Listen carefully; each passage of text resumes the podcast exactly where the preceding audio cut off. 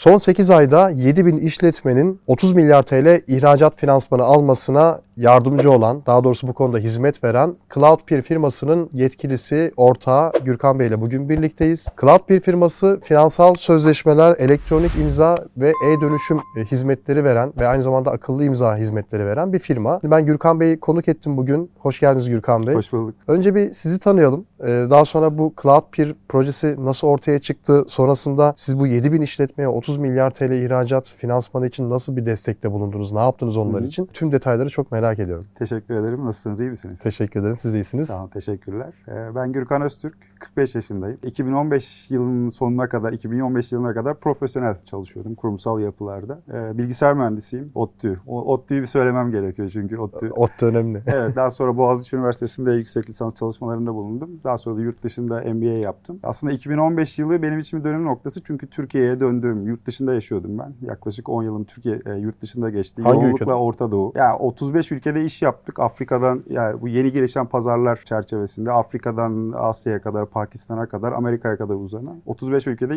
e, iş yaptık. Ki bu da ayrı bir startuptı aslında. Mecidiyeköy'de bir apartman dairesinde kurulmuş bir startuptı. 2012 yılında Orta Doğu'nun en genç telekom CEO'su olarak Umman Sultan'la çalışmaya başladım. Kurucu CEO olarak. İlk özel telekom operatörü için. 2015 yılında artık hem memlekete dönmeye karar verdik. İnşallah da hani ne diyeyim size sonsuza kadar burada yaşamak üzere. Toprağa gideceğimiz güne kadar. Aynı zamanda profesyonel hayatı bıraktığım zaman da aynı zamanda evlendiğim zamandı. O nedenle 2015 yılı önemli bir yıldır. Oradan Türkiye'ye döndükten sonra bir buçuk yıl boyunca kendi işim açısından, profesyonel birikimim açısından bir iş yapmadım diyebilirim. Ki şöyle bir şey yeni evlenmiştik daha. Eşim de yabancı olduğu için Türkiye'ye alışma zamanı. O sıralarda biraz müzikle uğraştık, sahneyle uğraştık gibi. Bir buçuk yıl aslında bir hayattan ne diyelim size bir mola aldık diyebilirim. Müzikle ne yapıyordunuz? E, eşim müzisyen. Onların da böyle Kübalılardan oluşan bir grubu var. Ben de hani yıllardır içimde kalan bir şeydi aslında. Müziğin bir, bir tarafında olmak. Sahnenin önünde değil illaki. Sahnenin önünde veya arkasında. E, daha sonra Türkiye'ye gelince işte burada Kübalardan oluşan bir grup oluşturuldu. O grubun kurucularından bir tanesi bendim. Açıkçası bir buçuk yıl boyunca menajerlik yaptım. Türkiye'yi gezdik. Belediye konserlerine gittik. Özel konserlere gittik. E, güzel bir tecrübeydi bizim için. E, o sırada da tabii Cloud yani bir yandan da bir planla gelmemiştim Türkiye'ye açıkçası. Hani şunu yapacağım, şu işi yapacağım. Ama biliyordum artık kendi işimi yapmak istiyordum. Yavaş yavaş Cloud 1'in de artık fikirlerinin kağıda dökülmeye başladığı zamanlardı o. Cloud 1'den önce bir başarısız girişim oldu. Aslında başarısız demek istemiyorum. Bu başarı veya başarısızlık belli hipotezlerle bir işe giriyorsunuz. O hipotezleri doğrulayamazsanız öğreniyorsunuz o hipotezlerden. Benim için de e, öğrenmek için de iyi bir fırsat oldu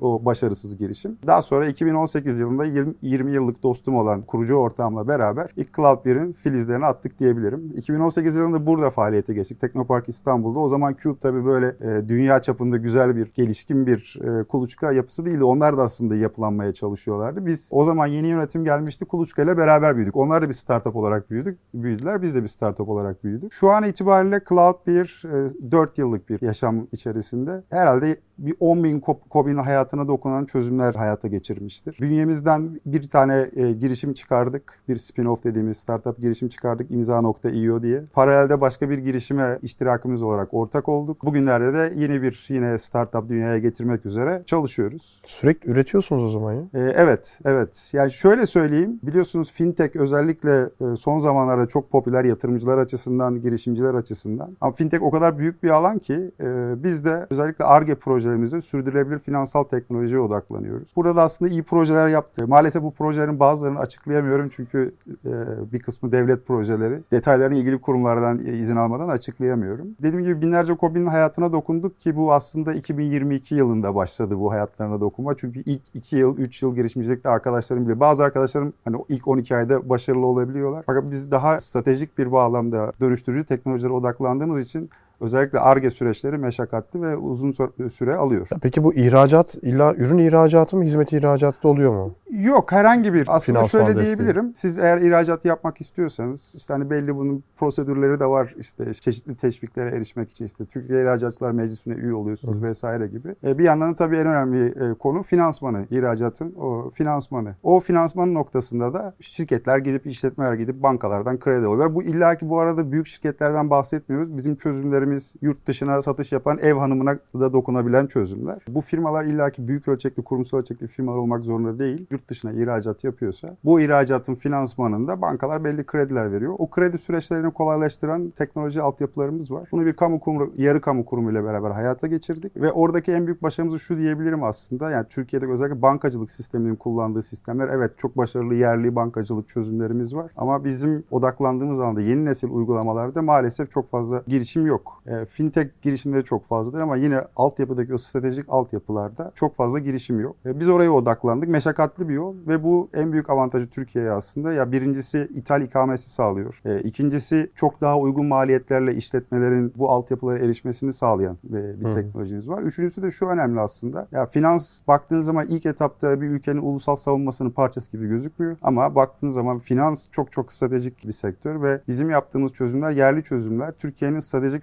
finansal verisinin Türkiye'de kalmasını, Türkiye'de işlenmesini ve Türkiye'de değer yaratmasını sağlıyor. Aslında hani naçizane Türk ekonomisine katkımızı bu yönden özetleyebilirim. Ya mesela bir örnekleme yapacak olursak ticaret yapan, e-ticaret yapan, internette işte Türkiye'de ürettiği ürünleri, tekstil ürünlerini Amerika'da, Avrupa'da satan e, X bir Evet. firma diyor ki ya ben ihracat desteği almak istiyorum, kredi Evet, almak istiyorum. evet. Ne yapacağımı bilmiyorum. İşte sizin firmanıza geldikten sonra, Cloudpeer'e geldikten sonra e, şunu söyleyebiliyor mu? Bana bu konuda gerekli olan altyapı ya da başvuru için Anladım. Ne yapmam gerekiyor Anladım. Biz o diyebiliyor şekilde mu? çalışmıyoruz. Bunu Nasıl veren oluyor? kurumlar var. Bankalar, örneğin Exim Bank var. Diğer kuruluşlar var. Finansal kuruluşlar var. O finansal kuruluşların o finansmanı sağlamasında kullandıkları kredi karar altyapıları, risk derecelendirme, kredi skorlama gibi uçtan uca bütün hani süreçleri dijital yürüt, yürütü altyapıyı sağlıyoruz Hı biz. hı. Ya aslında o finans kuruluşunun altyapısını sağlanmış. oluyor. Aynen öyle evet. Peki bu çok niş bir iş aslında baktığınız zaman. Bu aklınıza nereden geldi böyle bir şey yapmak? Ee, şöyle diyebilirim Ya aslında. ihtiyaçtan mı doğdu acaba Evet. diyeceğim ama E, ihtiyaçtan doğdu tabii ki. Yani bu e, finansal erişilebilirlik hatta hani Cumhurbaşkanlığı Finans Ofisi'nin de üzerinde çalıştığı tam raporun ismini hatırlamıyorum ama kusura bakmayın. Milli Finans Stratejisi diyebilirim. Çalışmasında da devletin de Türk devletinin de en önemli hedeflerinden biraz, e, birisi finansal kapsayıcılığı artırmak. Ondan da şunu kastediyorum aslında finansal kapsayıcılık. Ya örneğin siz bugün yeni bir yeni mezun olduğunuz zaman geçmiş bir kredi geçmişiniz olmadığı için, kredi skorunuz olmadığı için e, örneğin yeni bir mezunsunuz, bireysel olarak kredi çekmek istiyorsunuz ya da bir girişiminiz var. Yani kredi çekmek istiyorsunuz. Bir kredi geçmişiniz olmadığı için o krediye erişmekte, finansmana erişmekte zorlanıyorsunuz. E, finansal kapsayıcılık aslında bugün banka müşterisi olsun, olmasın, olabildiği kadar geniş kitlenin, işletmeler veya e, bireyler açısından geniş kitlenin finansmana erişimini kolaylaştırmak. Bu Türkiye'nin stratejik finansal hedeflerinden bir tanesi. O hedefe gitmek için de tabii ki yani yeni jenerasyon altyapılar e, gerekiyor bu hedefi e, sağlayabilecek. Bize açıkçası bunu düşünüp hani tasarlayıp bir 18 ay üzerine çalışıp pazara girmedik. Bizim belli ARGE çıktılarımız vardı. Gelen müşteri talepleri doğrultusunda aslında bu sistem ayak, e, hayata geçti diyebilirim. Yani biz biraz şanslıyız. E, Bugüne kadar aslında evet kendimizi şanslı bir girişim olarak görüyoruz. Şu nedenle niş tarafa odaklandık, risk aldık. Ama bir yandan da o niş e, uygulamalarda rekabet fazla olmadığı için ve Türkiye'nin de gerçekten ihtiyacı olduğu için bir şekilde işte müşteri ihtiyaçları bizim gittiğimiz yön birleşti ve bu sonuç ortaya çıktı. Ben Bir de- bir örnek daha verebilirim. Sizin tabii. ilginizi çekebilir e, izleyiciler açısından. E, yakın zaman içerisinde bir kamu büyük kamu bankasıyla bu arada hani marka hiç geçirmek istemiyorum burada. Hiç Kusura bakmayın. Kamu Hı hı. bankasıyla hayata geçti. Şu anda iki özel büyük bankada üzerinde çalışıyorlar. Yeni bir dijital çek uygulaması. Herkesin ilgisini çekebilecek. Örneğin siz kredi kartıyla satış yapıyorsunuz. E, biliyorsunuz kredi kartı satışları 30 ila 45 gün arası blokede durabiliyor. Bu herhangi bir dükkan olabilir, herhangi bir işletme olabilir, herhangi bir mikro işletme olabilir. E, blokede durmasını istemiyorsunuz. Yani paranızı siz 30 ila 45 gün içerisinde alabiliyorsunuz. Almasını istemiyorsanız bankayla başka bir anlaşma yapıyorsunuz. Onlar belli bir komisyon keserek size ertesi gün hesabınıza geçirebiliyorlar. Diyelim ki siz 45 gün blokede çalışıyorsunuz ama acil paraya ihtiyacınız oldu. Tedarik yapacaksınız işletmeniz için. O durumda çok tırnak içinde söylüyorum. Alacak kırdırmak diye bir terim vardır. Hani bankaya gidip e, bu alacaklarınızı ki ortalaması %10 ile 12'ye e, düşüyor bunu. Öyle bir e, maliyete katlanarak o alacağınızı erken alabilirsiniz. Bu yeni geliştiren dijital çek projesi bu arada hani dünyada ilk olan bir proje ve Türkiye, Avrupa Birliği, Brezilya gibi, Amerika gibi yerlerde patent başvuruları var. E, şunu yapıyorsunuz. Örneğin sizin işte bir taksitli satışlardan, kredi kartı satışlarından ya da normal blokedik satışlardan bir gelecek nakit akışı öngörünüz var. Biliyorsunuz ki banka 30. gün, 31. gün, 32. gün size belli bir e, nakiti hesabınıza geçiriyor olacak. Örneğin bir alışveriş yapacaksınız tedarikçinizden. Sizden 3 ay vadeli bir 100 bin lira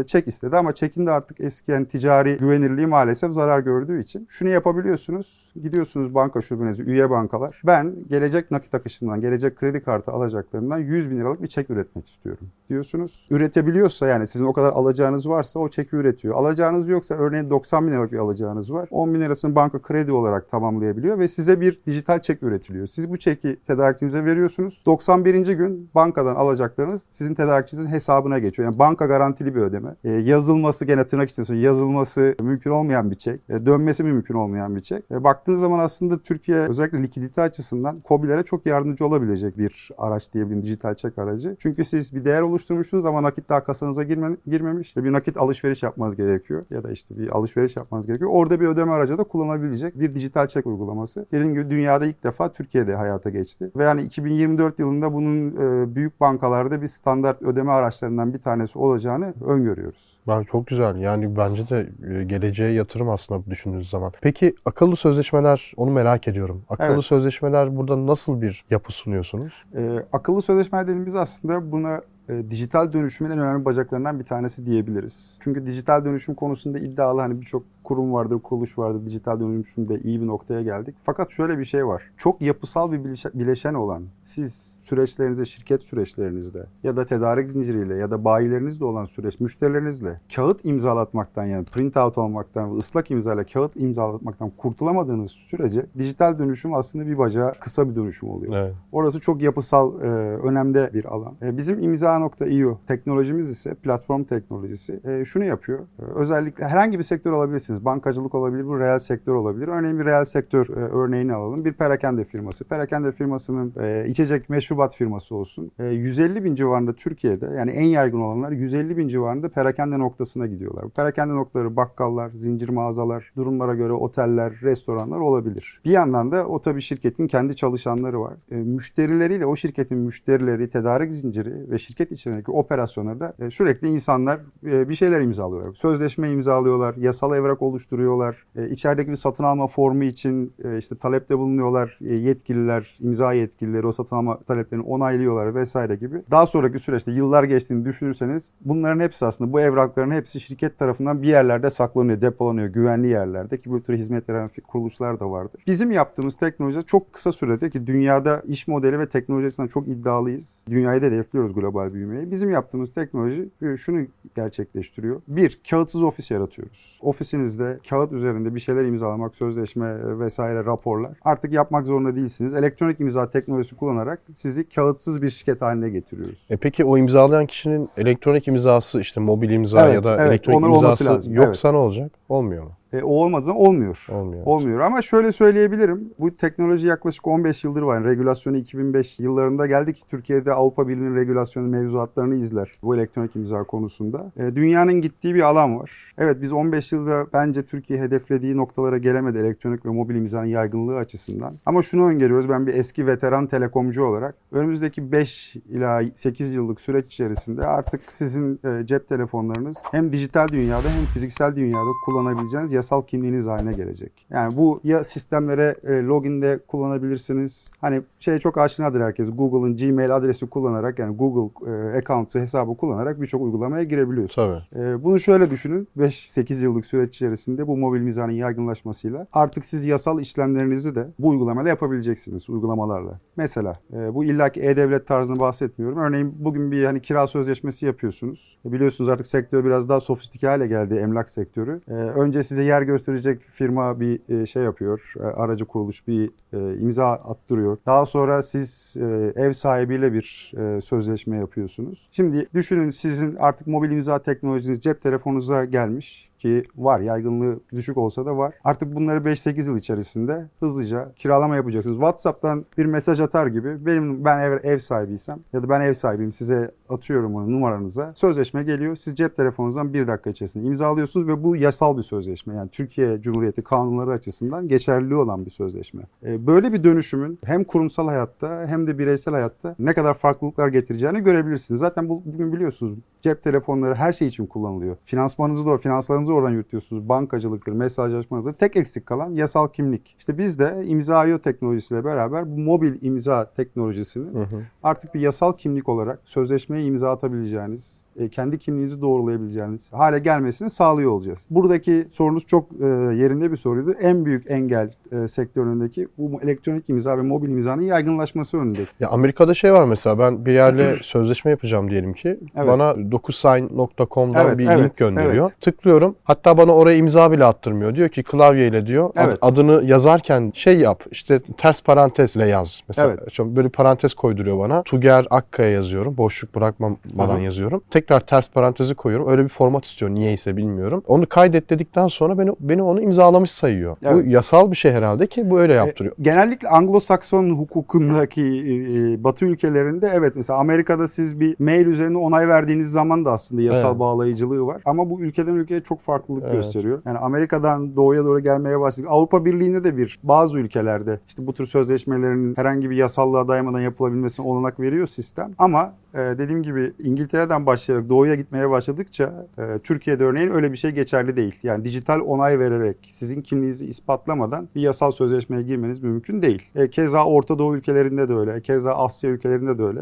E, bunları şuradan biliyoruz. Biz imzayı birinci günden itibaren hep bir global firma olarak e, hayal ettik. Bu arada imza Swahili dilinden e, Urduca'ya işte Farsçadan Arapçaya çok büyük bir coğrafyada imza imza demek yani signature demek. Evet. O yüzden de hani global bir marka olma potansiyeli de var teknolojisi açısından da. Aslında Cloud1'in bütün girişimleri hani bizim de kurucular olarak geçmişimizden kaynaklanan tecrübemizle e, hep hedefimiz global. E, inşallah da günün birinde Türkiye'den çıkan bir e, unicorn olarak ama yazılım unicornu. Çünkü Türkiye'den unicornlar çıktı. Çok başarılı firmalar çıktı. E, bugüne kadar bir tane yazılım unicornu çıktı. Diğerleri servis firmaları. E, biz de onu hedefliyoruz. En önemli özelliklerimizden bir tanesi ARGE projeleri yapıyoruz ama ARGE meş- meşakkatli bir iştir. ARGE projelerini ticaretleştirmek çok meşakkatli bir iştir. Biz ARGE projemizi yaparken patentlenebilir teknoloji üretmeye çalışıyoruz ki şu anda 4 tane patent başvurumuz var. Ve çok kısa sürede bunu ticaretleştirebiliyoruz. Yani şu ana kadar yaptığımız 4 ARGE projesi, şu an 5.si dönüyor. 4 ARGE projesi de 3 tanesi ticaretleşti. Bir tanesi enge- enteresan belki onun biraz bahsetmem lazım. Biz 2018 yılında, pardon 2019 yılında Türkiye'nin ilk yerli blockchain teknolojisini yazdık. Ondan da kastım şu. Hani bugün çok blockchain te- temelli çözüm vardır etrafta ama genelde Ethereum altyapısı kullanılır. İşte Hyperledger denen open e, open source açık kaynak uygulamalar vardır, teknolojiler vardır. Onun üzerine bir şey inşa edilir. Biz işte tam o Ethereum'un yerli karşılığı olacak. Birebir onunla rekabet etmiyor ama öyle bir ilk ARGE projemiz oydu. Onu da özellikle savunma sanayi için e, planlamıştık. Henüz